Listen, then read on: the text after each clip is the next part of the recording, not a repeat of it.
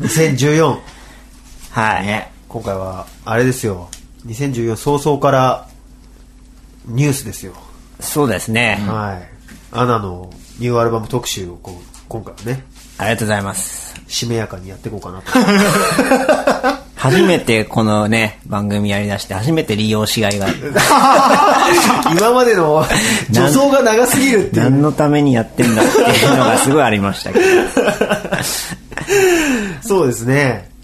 今回はあれですねあのこの後のコーナーで、うんあの今回のアナのね、デザイン周りをやってくれた人が来るので、はいはい。あの、楽しみにしてください。ということで正月ですよ何してました正月正月というか年越しね去年は一緒あの一緒にそば食って一緒にね。そば食ったよ ねでも今年はそばは食わなかったけど、正月にさ、あの、モニカさんとさ、大久保君と俺と3人でさ、うちでなんかなんとなく集まるっていう日があって、そうだへー年明けてね年明けで一発目ぐらいに、3日とかにさ、はいはいはなんか、本当何をするわけでもなく、最初、大家くんが、ちょっとそろそろ俺はソロをやってみたいっていう話になったから、ちょっとじゃあ、うちで曲作ってこいよって言ったら、まあ見事に作ってこない。 いや、俺は結構ね、えーそのモニカが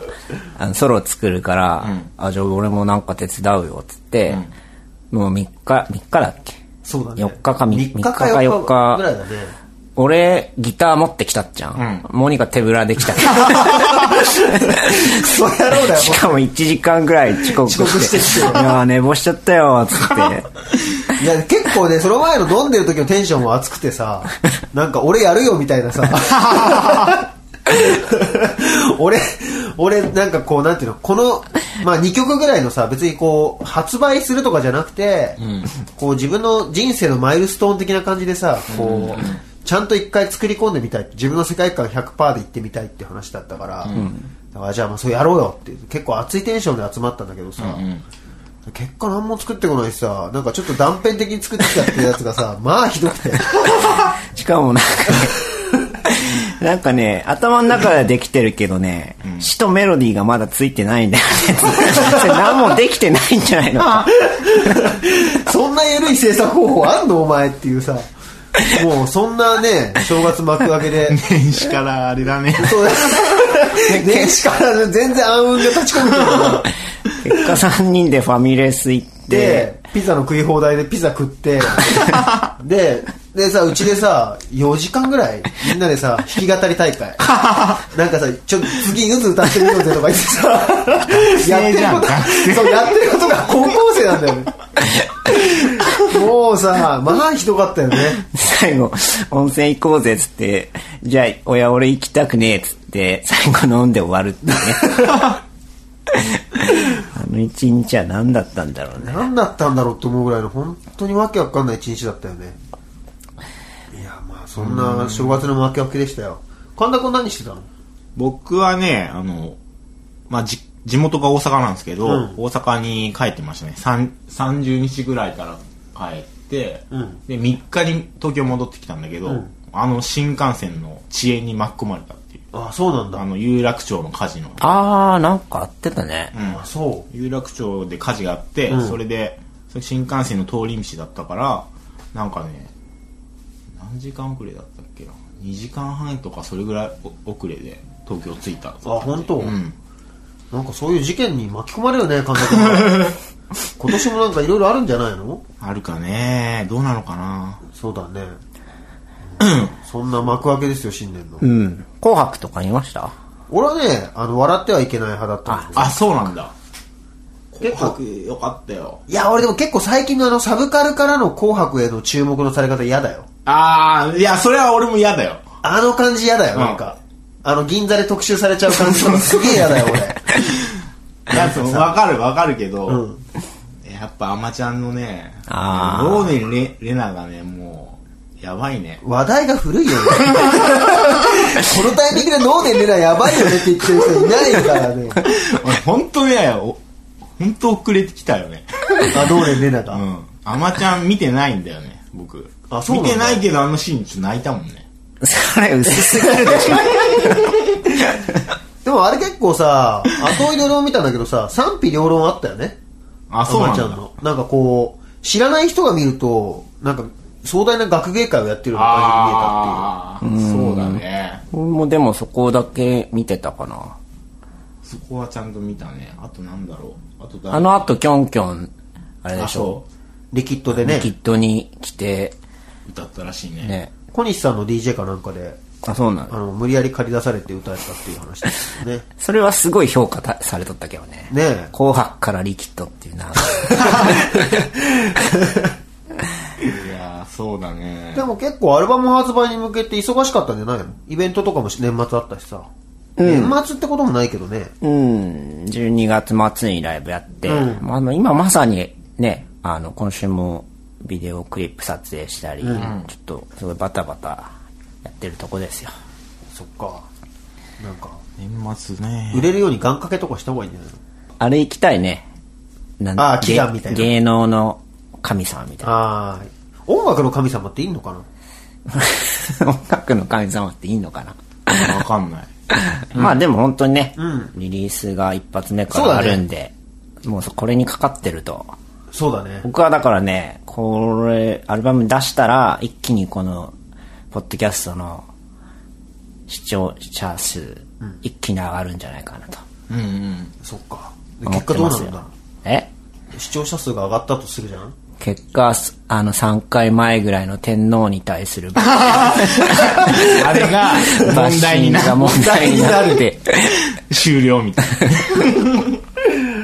だからね、皆さん聞くのは今のうちですよってわけあれだけスッてなくなってる時ある からね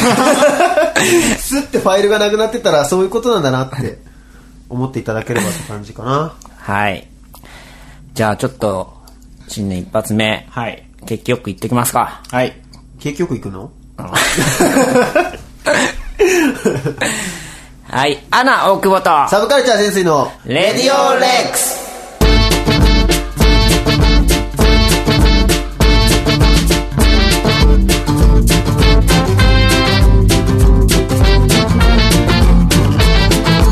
は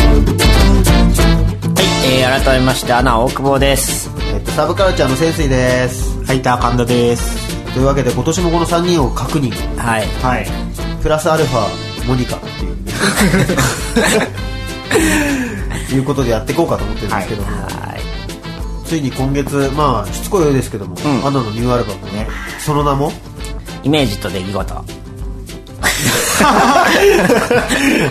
かこ う、あれだよね、やっぱ日本語タイトルっていうのが初めてかあ、そうそうそうそうそう。な。だからなんか、ちょっと不思議な感じだよね、なんかこうさ、そうね。じゃあニューアルバム、レジャーとか言ったらさ、なんかこう、様になるけどさ、ニューアルバム、イメージと出来事。 急にこう、詩的なさ、リリカルな感じになっちゃうからさ、これだから、今年はいはい略してあれだよね。イメージと出来事略してイメ事みたい なさ。もうさ、そういう感じで押していったらいいんじゃないイメ事イメね。事。オッケー。だからなんかその、ほら、青版、赤版みたいな感じでさ、うん。イメ事っていうさ、イメ事。イメクラみたいな感じ。アナはそうですけど、一応皆さんはあれ、し、なんか、新年の今年の目標は今年の目標俺はアルバム作りを頑張るぞってとこですかねああ、もうさすがにそろそろやんないとやばいなと思ってるのでそうね。うん曲はできてるんだけどやっぱ精査と細かいところな、どうしようとかあとはまあそもそもこの携帯がどうしようっていうね、うん。うん、その辺の探りでちょっと時間かかってる感じなのでまあのんびりやってきますよ、うんうん。なるほどそれが目標かな神田君は僕は何 かな何かな知らないこととか、あ締め切りをちゃんと守るっていうねその あ人としてあの基本的なことですもうだ いぶ、あもう神田君もね記者購入したら40だから そろそろねそろそろもうそういうそろそろ締め切りとかにうるさくなっていった方がいいかもいしいれなかい,、もしれないこれを聞いてる出版家系の方あの締め切り守りますんで本当によろしくお願いします逆効果なんじゃないかこいつ守んねえんだ。基本がもうベースが守んねえってことだから逆効果だよこれマイナスだよはいというわけで今日はなんかこう、静かな感じで始まってるのは多分ね、こう、アルバムのことをみんなすごいしっかり語りたいなっていうのがあるんですけど、なんかそう、そこをこう隠して話してる感じなので、もう早めにじゃあ、メインのコーナーに一曲かけていきますか。はい。はい。じゃあ、まあ、アルバムはね、あの、買って聴いてもらうとして、去年、フリーダウンロードで、やった、これもでも、アルバムと同じ時期に作ってた曲を聴いてください。えー、アナで274便。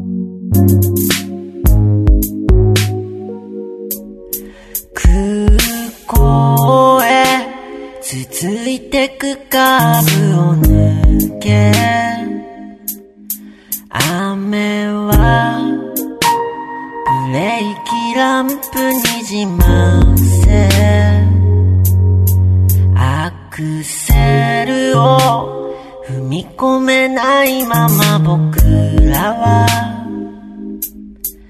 やがてたどり着いてしまう80.7今キャッチしたステレオあなたはこの街のどこかにカーソロ飛び立ってゆくボーイング期待は儚く銀翼のテイクを遠ざかるこの街は嫌じゃないけど時がうまく進められない274今帝国通り立つ止まった時間の中で274今高度を上げていくあなたが空でも見上げれば天神の街を歩く人たち都市高が海にかける大橋あなたがどこかに灯す明かり見えなくなるまで274今行動を上げてゆくあなたが空でも見上げれば274まだ明かりは消したままあなたが空でも見上げれば80.7今キャッチしたステレオあなたにアナ、大久保と、サブカルチャー先生の、レディオレックスパサパサの髪がツヤツヤになるラジオ聞いてねアナニューアルバム、イメージと出来事を大特集第1弾あというわけで、はい今回、あの、久方ぶり、3年ぶりえっとね、リリース、そうですね、2年半ちょっととかかな。うん、3年弱ぐらいぶりにリリースするニューアルバム、ちょっと今回はね、いろいろうんゲストを招いて話してみようかと思いまして、はい。はい。今回はスペシャルゲスト、スペシャルゲストって言ってもあんまりまだね、こう、インナーの人だからそんなにね、知られてないとは思うんですけど、えっと、なんて紹介したらいいのアートディレクター世界の。世界の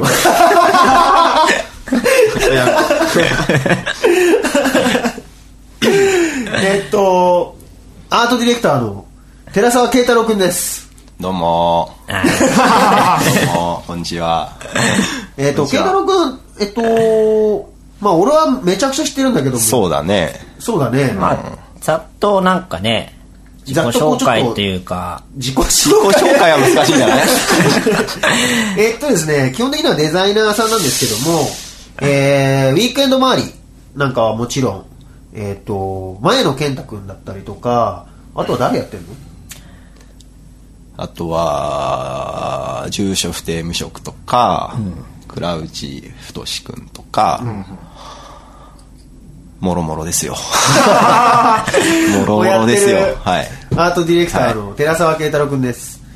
で、えっ、と、今回はね、うん。ジャケットワークだったりとかを、あの、そうですねそう、アートワーク全編的にシングルもお願いしましたね。なるほどね。で、まあ、いきなり聞いちゃうとあれなんだけど、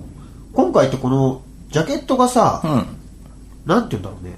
今までと全然違ってさ、うんこうもう人ががっつり出てきてるじゃん。そうね。なんかこれは、あれなの二人で話してこうなっていったのそうっすねなんかなんか、まあ、大地君含め打ち合わせした時に、まあ、2人になったしみたいなうーん。 2人になってよりこうまあ曲的にもこう割と人間性が出てるというか、個人的なものがかなり出てるような内容になってると思うので、まあ、今まで顔がジャケットに出てたことはあんないまないもんねないよねなかったちゃんときっちり出てるのはね、うんないよね初めて。まあなんか2人だけどシンガーソングライターっぽい感じというか、かな、うん。で、うちからっていうのをも話したね、なんか、やっぱ、そろそろ顔出そうか な。顔隠してたわけじゃないんだけど。そろそろ賞味期限ギリギリなんじゃない若いうちに撮って きたのか ヌード撮るっていうかそう、まあなんか、顔をこう、ね、出す感じでいこうかなと思うっていう相談をして、 もともとそのもっと前の話をすると、あのなんでその寺澤君に頼んだかっていうともうほんそれこそウィークエンドのジャケットとかがすごい僕いいなと思ってて、でね紹介はされてたけどなんかねこうまあずっと北山さんっていう一緒にやってるディレクターさんがいて、まあその人をとずっとやってたのもあったし、なんかまあウィークエンドと寺澤君っていうのはこういいコンビでさ、で俺俺らは話さねえぞって感 じの。呪縛っていう。で、こういうさ、レックスとかもやりよったけんさ、なんかこう、身内感すごいあるしさ、なんかちょっとタイミング違うなと思ってたんやけど、まあ、ウィークエンドがまんまといなくなって、 やし、っていう、なんか、まあ30も超えて、このレコーディング中に、なんかね、うちらの、まあその北山さんっていうのはちょっと上の世代の人で、コーネリアス周りとかをやってた人なんやけど、まあなんかね、同世代の、寺坂も同い年なんやけど、ね、みんなこう、ミュージシャンなり、それこそアートディレクションとターなりでさ、こう、ど、ね、個人でそれぞれいい作品を作るようになったから、まあこのタイミングで一緒にやりたいなと思ってこう、声をかけたんですね。なるほどね、なんか結構さまあ俺とかはあのー結構ずっと一緒にやってたじゃないそうだねあのー私のリリースしてるものの多分8割っていうのは慶太郎君にやってもらってて、そうだね今回ゲストに呼んだ理由としては結構そのね慶太郎君とのやり取りっていうのはすごい熱くてうんうん。毎回ジャケをやるときになんか結構メールだったり電話だったりとかなんていうんだろうねこうコミュニケーションを密にとって、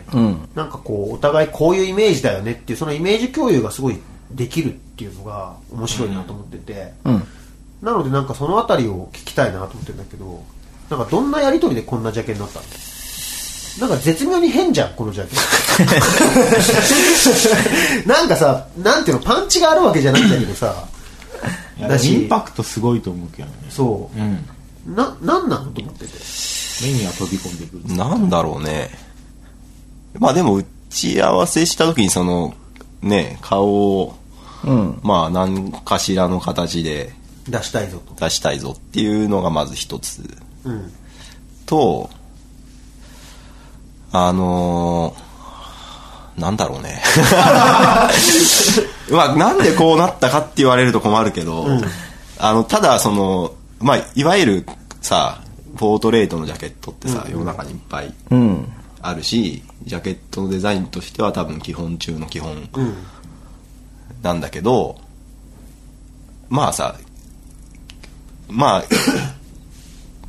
簡単っちゃ簡単だし、うん難しいっちゃ難しいものじゃないポートレートあっなるて、ほどね良くないと良くないから本当に、うんうんうん何でもないじゃないうんなんで、その、まあなんか、やっぱり、アナって、その、前のアルバムとかも聞いていて、その、メロディーが良かったりとか、曲がいいし、アレンジもすごいしっかり作ってるしっていうのはあって、要するに、シンガーソングライターとしては優秀なんだけど、いわゆるシンガーソングライターの状態で、外に出してるわけじゃないじゃない、どっちかっていうと。だから、えっと、まあ、そういうものは感じてられるポートレートにしたいなにしたいなっていうのは大きいかちょっと違和感がある、な。うん。要するに、別に生音でやってるわけじゃないというか、なんかまあいい感じで打ち込みだったりとか同期させてたりそうそうとそうそうかそうっていうのがあってっていう、なるほどね、うんなんかいろいろ考えてるんだね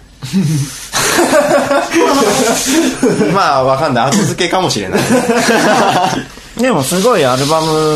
聞いて、なんかね、解釈してくれてた。そうだよね、でなんか今回アルバム的にはどうだったの慶太郎君はあのーなんだろうね。あの、まあ、変わったなっていうのはやっぱ大きいかな。あの、あー前作から比べると。そうだね、俺もすごい変わったなって思うのと、なんかある意味では本当になんかこう音楽史のオマージュっていうかさいい感じでさこうシーケンスとかも入ってくるんだけど、すごい懐かしいさまあこれみんなにすごい言われてると思うけど、シュガーベイブみたいなさ、あのピアノ使いだったりとかコそーうだドね使いだったりとかがあったりとか、なんかいろいろ混じっててなんだろう新しい世代の中年音楽っていうか さ音楽っていいぞっていうさのを中年でいち早く鳴らしたかなっていう感じはあるよねああ、そう。いや、でもほん、なんかね、もうなんか売れなくてもいいやって思ったんよな。発売前にして、すでにこう、戦う、戦う気なしっていう。じゃあなんかもう、最近のさ、そのちょっとピックアップされるものってさ、やっぱもう歌詞が、もうすごい変やったりさ、もうつ、ね、ちょっとこう、それこそバズるじゃないけどさ、もうそういうニュアンスがないとさ、注目されんやん。そうだねもうなんかもうそういう出方はもういいからいいなって、別にうちらもやってないけど、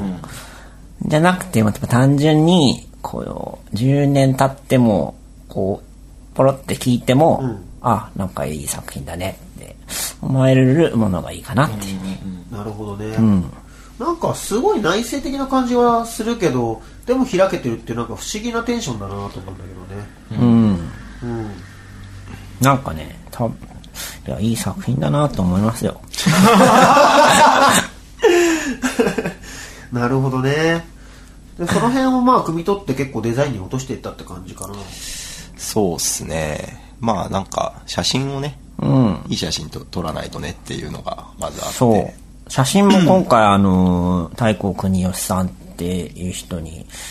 お願いして、これも寺澤くんからの提案で、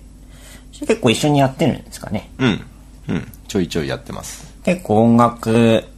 あのーおとぎ話とかすごい撮ってたり、音楽仕事いっぱいされてる方で、なんか、あ、この人に撮ってほしいなって思った。へえ写真って本当にあんまり自分でよく分かってなくて、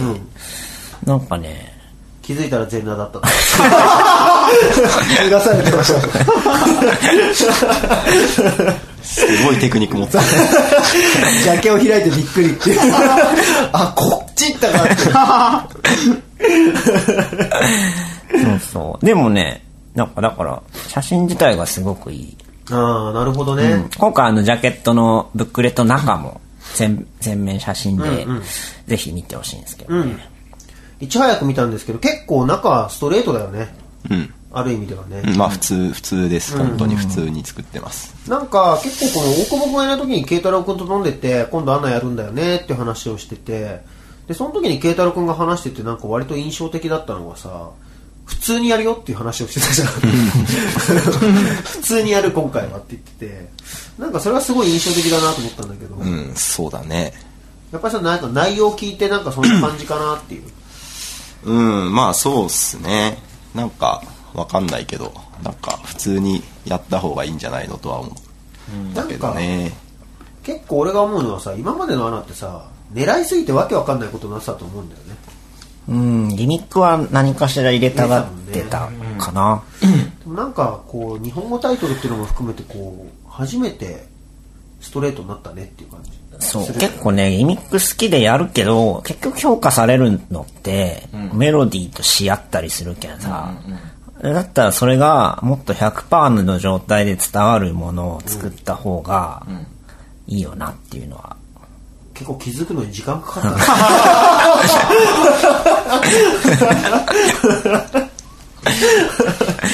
ななるほどね、作品自体は慶太郎君の感想としてはどうだったのあのーあれかな。一番印象に的なのは、しっかりアレンジしてるっていうのところかな。あー本アレンジとか、アレンジしてるなーっていうそうだからなんつうんだろうこう前作とかももちろんアナって基本的にアレンジちゃんとしてると思うんだけど、前作のアレンジは、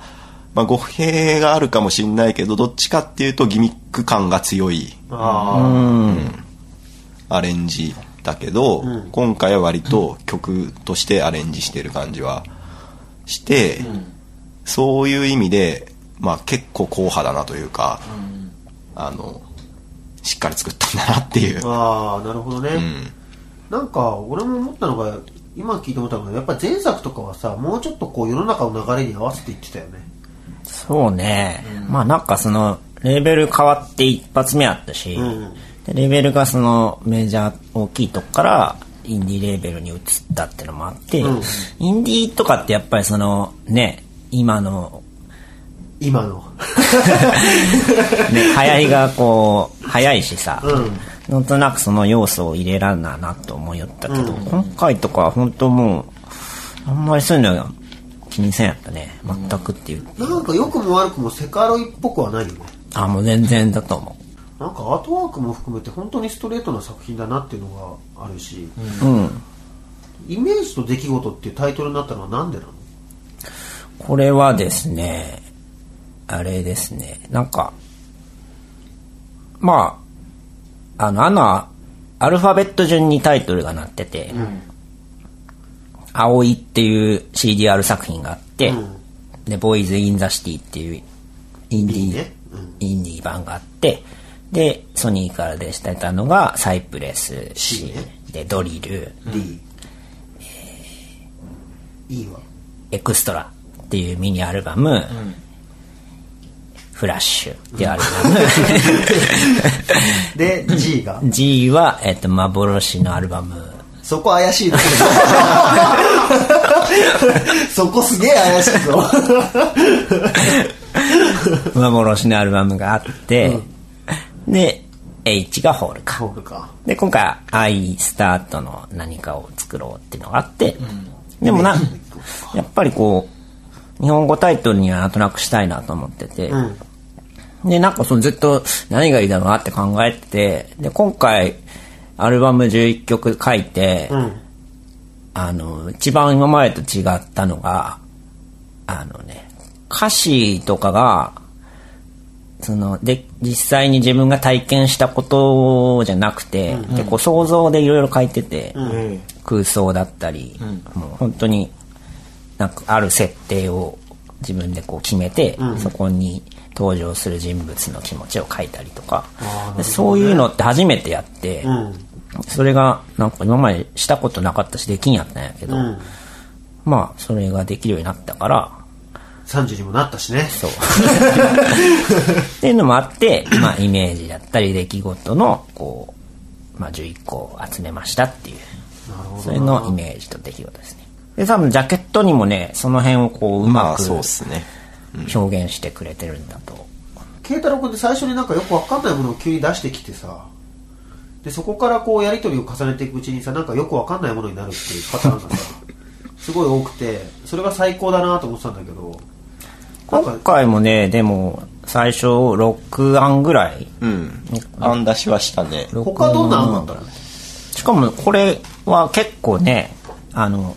最後の方の、うんまあ、予備でみたいな案やったよね。メインの案っていうかさ、最初のその録音はどんなやつがあったのどんなんだっけでも、なんでも写真ポートレートが基基本本でで、うんそれをやっぱり、あの、もうちょっとこうねなんかうん。それこそイメージと出来事みたいなさ、とこから発生して、まあこの正式なのもそうやけど、ちょっとこうぼやけた部分があるとか、なんかその、ちょっと違和感を出そうっていうので、こういろいろ青もらってた。あそうなんだ、今回なんかでも変な作品だなと思うのがやっぱりずっと静かじゃんピークポイントがあんまないじゃんさそうねそうですか そこはち ょっとある種でもピークポイントがずっと続いてるっちゃ続いてるんだけど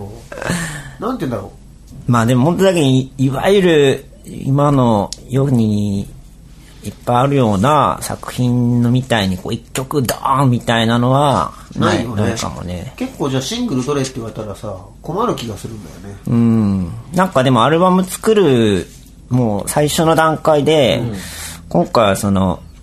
今までって結構一曲目にやっぱこう、まあドラが鳴ったりとかさ、サイレンが鳴ったりとか、そうだねわけわかんない楽器を買うとこから 始めるなんかもう一曲目、じゃん始まりましたみたいなのをずっとやってたんやけど、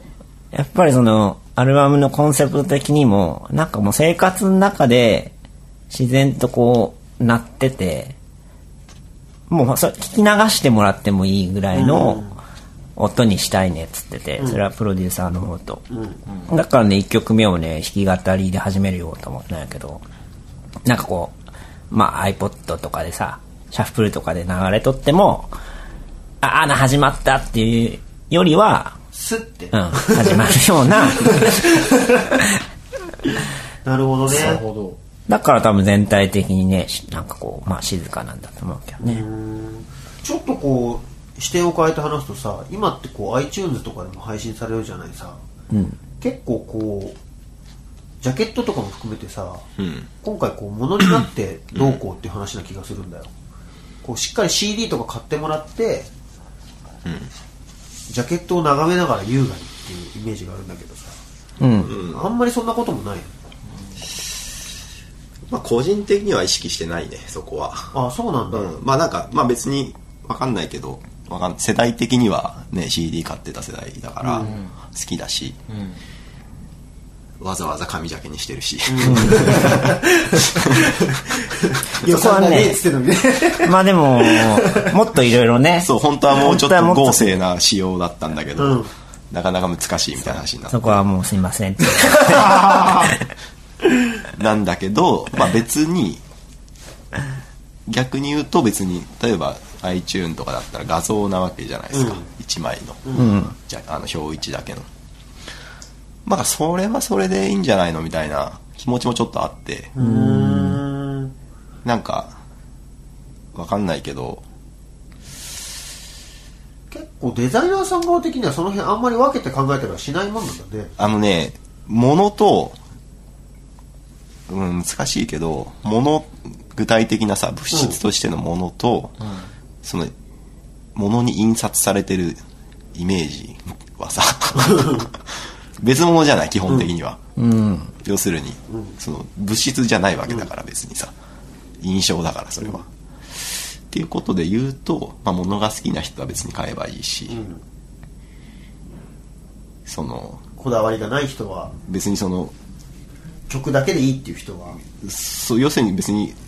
ただ本当に曲だけで何の画像もついてないみたいな話になるとまたちょっとちょっと違ってくるとは思うけど例えば表一だけでもまあイメージはあるじゃない、なんかちらの、っていう意味では同じじゃないああなるほどね、ちなみに大久保君の今回の推し曲はどれなの、まあ、シングルカットにもなってるそうね。まあだから、れバンド的には、その妙な季節っていうのをシングルにするけど、曲的にはなんだろうな結構全部、うーん、長いお別れとかかな。ああそう、なるほどね俺は個人的にはハイライトとかが好きなんだけどねこれ4曲目が好き悲しみのこちら側、んなるほどね俺さよならの位置とハイライトがね今回はね俺はそうだねさよならの位置かな さよならの位置人気だねさよならの位置とかが一番古いのかな今回のアルバムの中ではうーんとね、そう、うん、まあ今までのアンナのイメージもあるよねうん。ちょうど間って感じだよね、そう、結構前から曲自体はあった曲だし。いや俺なんか「さよならの位置」とか聞いてて思うのがこう歌詞でこうなんていうの今までと違う世界観を出そうっていう感じとかもうん。見えてそれがなんかこう稚拙さも含めて可愛いかな隠しきれてない隠しきれてないその可愛いところがにじみ出ちゃってる感じでそ憎いなこいつっていう結構あの辺がなんかこう今までのファンにもきちんとこうなんていうのかね義理を果たしつつう。うーん。なんかこう新しいところに行こうとしてるっていう感じがするけどねそうね。まあなんかでも、新しいとこに行ったみたいなのはあんまりなくて、もう余計なもの全部こいやーでもそんなことないと思うよ俺やっぱ今回アルバム聴いて思ったのが、う、うん。あのちょうどさ iTunes に入れてさ、うん聞いた時にさフラッシュと並べて聞くとさ、うん。なんかさあれ っていうこれ同じバンドっていう感じはするよあ、ねそやっぱ自分的にはそこから時間が経ってさ、徐々に変化してるからかもしれないけど多分こう前作とかはまださサンプリングだったりとかをさ、んがっつりしてたりとか、なんかかなりまあ同じ穴の中でこっち行ったかって感じだったけど、う。うん。今回結構本当に全然違うっていうかさ、うんサンプリングにじゃなくてもうしっかりホーンセクション取ってたりとか、ん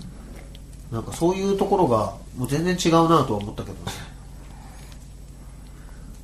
なんかね、自分の中ではね、あの、ずっとこう一貫してやってることを、その今までギミックとかでごまかしてた部分が、なんかもう自分で、これはできて、これは自分らは向いてないってのがこう判断できるようになって、ようやくね自分らが得意なとこだけを磨きに磨こうって言ったものかなっていう気はするけどね。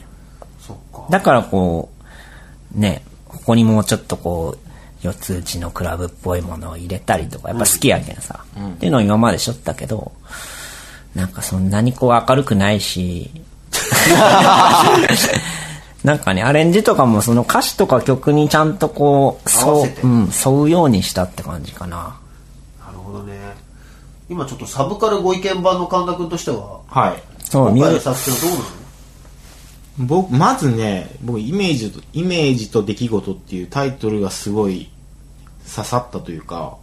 あのさっき大久保君解説してたけど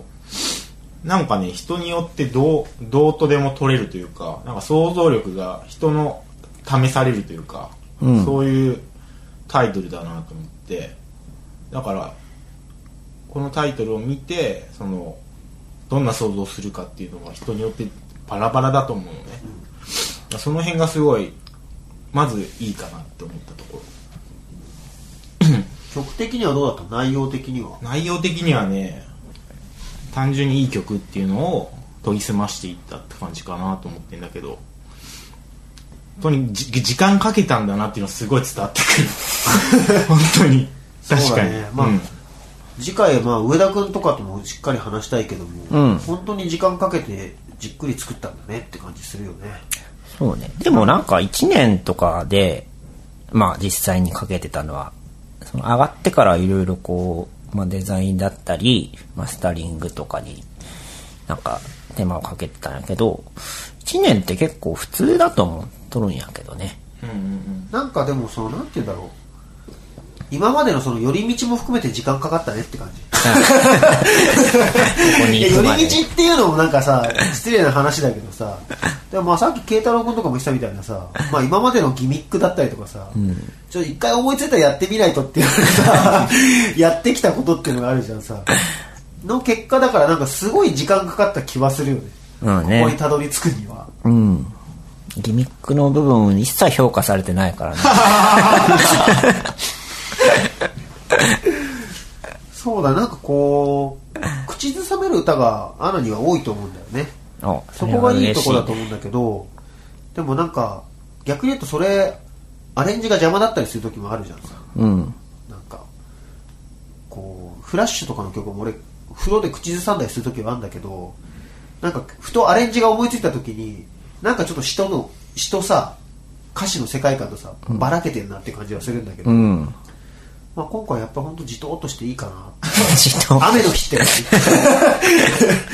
たらあれだよね撮影裏話としては初日行ったら雨降りそうだったとか天気が悪かった ちょうどんよりしてたね。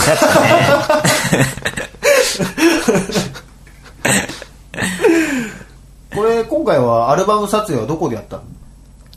あのね、池池のの上上。ああ、そう、池の上撮った。池の上で撮って池の上に行くまでのほら、登ってく道あるじゃない。あの、淡島か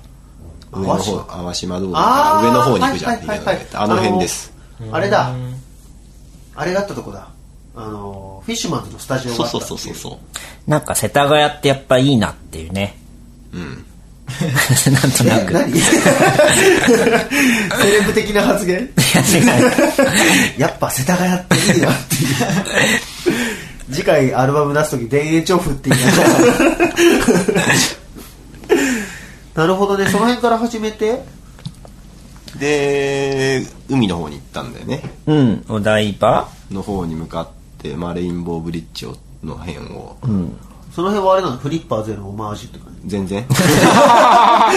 全然それはないよむしろなんかね、どことも判断がつかないようなとこを探してこう。だから、そのお台場の方行っても、うんそういうの映らんように撮影しよったけどね。今回ねあのすごいねいつもに増して詩がめっちゃ入ってくる感じがした詩の内容っていうのかなあ、でもそれはだっけんね、結果、その、やっぱギミックとかを取り去って、なるほどなるほ一番こう、評価されてたりするとこを伝えようとしたのがいい結果に出たんだと思うな。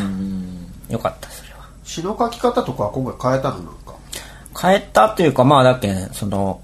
実体験じゃないことも書けるようになったってとこかな、ってことは今までは実体験だったんだっていう歴史、まあそうそうそのさヒントっていうかさその実体験じゃないものをさ、うん書くっていうのなんかコツっていうのがコツっていうかその本読んでとかさ例えば そうね本と映画がまあ今回はめっちゃ多かったかななんか影響を受けた本とかはあったの今回影響を受けたのはなんかあのーレビューっていうかあの今配布してるチラシにも書いてるんやけどあの山田太一さんの「冬の蜃気楼」っていうきょ新っていう小説がまあ一番なんかこうアルバムの根底にあるようなやつかなああ、なるほ曲で言うと「長いお別れ」っていう曲が、まあ、そこからインスピレーションで書いた曲なんやけどあそうなんだ、こ今回の曲に関しては全全部あるかなどでもなんかその僕僕の眼鏡じゃないけどちょっとウッディ・アレンの映画っぽいっていうか、ああちょっと平熱でなんだけどっていうところでなんかすごい映画に例えるとウッディ・アレンかなっていう なるほどねなんて言うんだろうなんかそんな感じしたなもうタイトルも今回すごいストレートだもんね、ん今までだとなんかさノルウェーのあれとかさ 嘘だろっていうさ その狙い方なんだよっていう感じが結構あったりしたけどさだけどなんか今回そういうのがないからそうねなんか打ち合わせの時もちょっと話したけどなんかタイトルが全部、ね、その小説のうん、タイトルっぽいというか小説が元ネタになったのもあるしね。っていうのは結構話したよねなんかね、でもね、あの、実際、なんだろう、こんなにこう、アアルバムに関して、こう、いろいろこう、こういう感じだと思うってこう評価してくれて、そこからこういうジャケにしてっていう、なんかね、一緒にこう、話し合いながら進めたのは結構初めてかも。俺ずっと言ってたよねなんか 俺のお俺なんか慶太郎君と今やってるのどうなのとかって話すと必ず言うのがこんなに話し合いながらは作れるのは楽しい 延々言っててそう、なんかね、ずっとやっぱ目上の人、いや結構ちゃんと、すごい好きな人ばっか頼んでたから、任せっきりっていうのが多くて、やっぱこう、ファーストが小田島さんで、まあセカンドは違うけど、それ以外は全部その北山さんっていう人で、なんかね、もう、まあ、もらうものが間違いないかったっていうのもあるし、なんかね、やっぱその、もう学生時代から見てきた人やけん、なんかこう、言え、何も言えねえって感じ。一応何案かもらうんやけど、なんかね、っていう状態でずっとやってて、でもやっぱ初めてこう、同世代の人と仕事できるようになって、なんかね、楽しかったし、結果、ああ、よかったなっていう。なるほどねで、あの、エピソードとしては、あのね、その北山さんからね、あの、サンプルを送ったら連絡があって、あの、めったにその、自分より若いディレクターとかを褒めたりししない人なんやけど、あの、アートワークも作品も素晴らしかったですって言って、なんかその、自分からちょっと離れて、なんか自分の周りでしっかりこう仲間ができたんだなと思って安心しましたっていう連絡が来て、なるほどちねょっと感動しました。 何そのいい話 何ちょっと いいねそれを受けて慶太郎君はどうなんですかいやまあありがたい話 ですよありがたい話ですよ本当にお褒めいただいて北山さんとかだからなんかでもそれなんか僕僕がそれ聞いて気づいたんだけどまあなんかすすそれこそね大久保君とさどう、どうね同い年だからさまあ見てきてるもんは割と近いと思うんだけど、まあその中に北山さんとかもいるわけじゃない、それこそ、っていうのを見てきてこういう仕事をしてる部分もあるから、そうよね。うんだからなんかそのなんかちょっと腑に落ちたというか、なんか作ってる時は全く意識してなかったけど、まあそういうものは改めて終わった後に自分で見るとあ入ってるなとは思ああ、やっぱりそのトーンだったりとか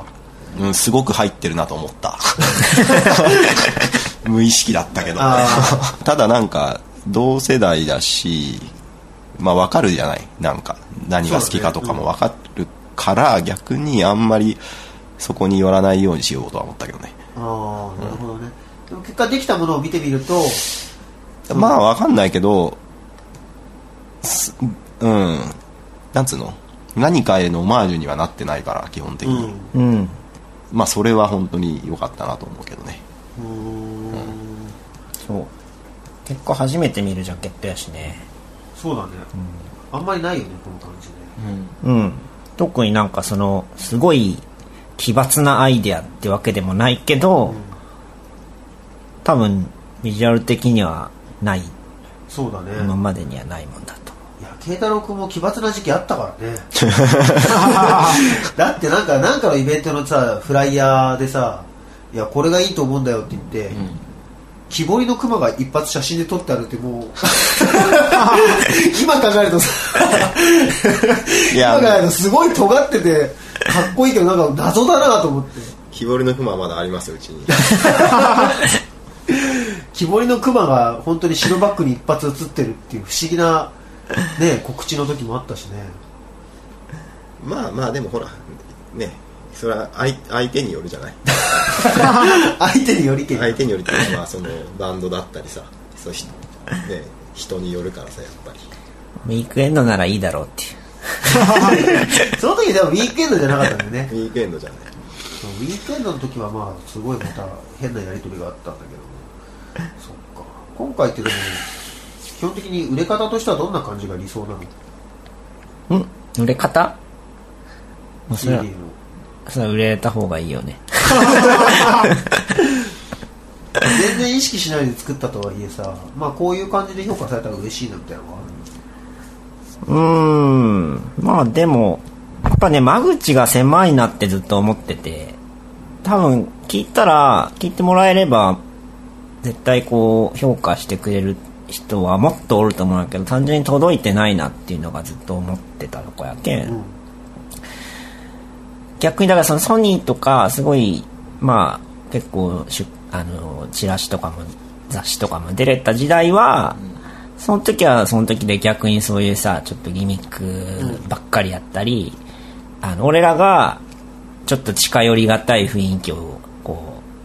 う音で出したりしててそうさだ、ねで、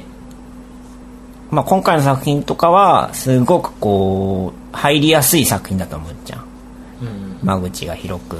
ただやっぱりこうインディーレーベルとか状況でそんなにこうね世の中にいっぱい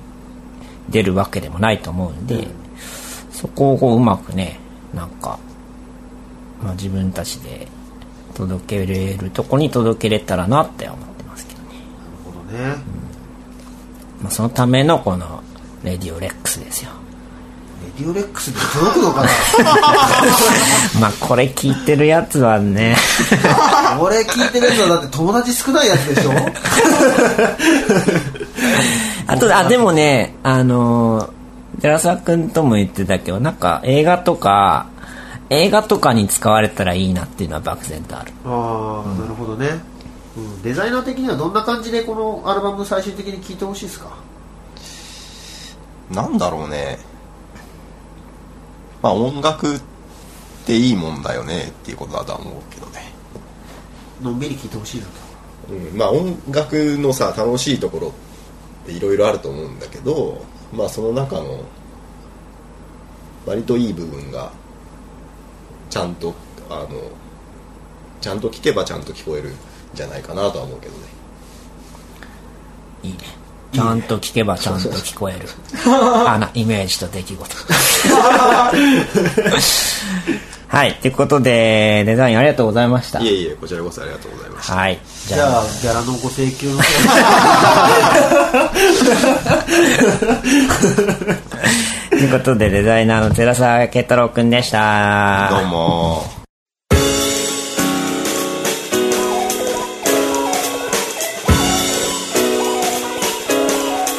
はい、ということでお送りしました。レディオレックスですけども。はい。 2014年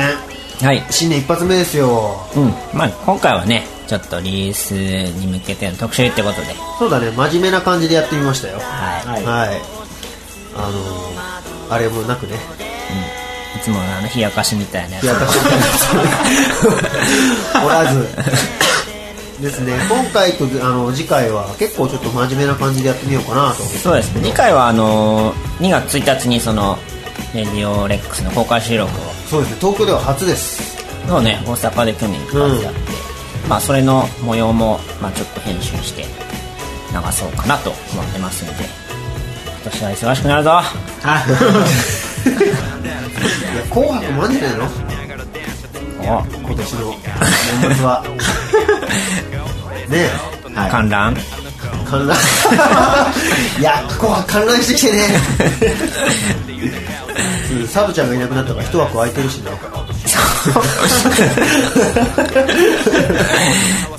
確実に一枠空いてるからねはい。アマちゃんからアナちゃんへ 華麗なるスライドがまあね、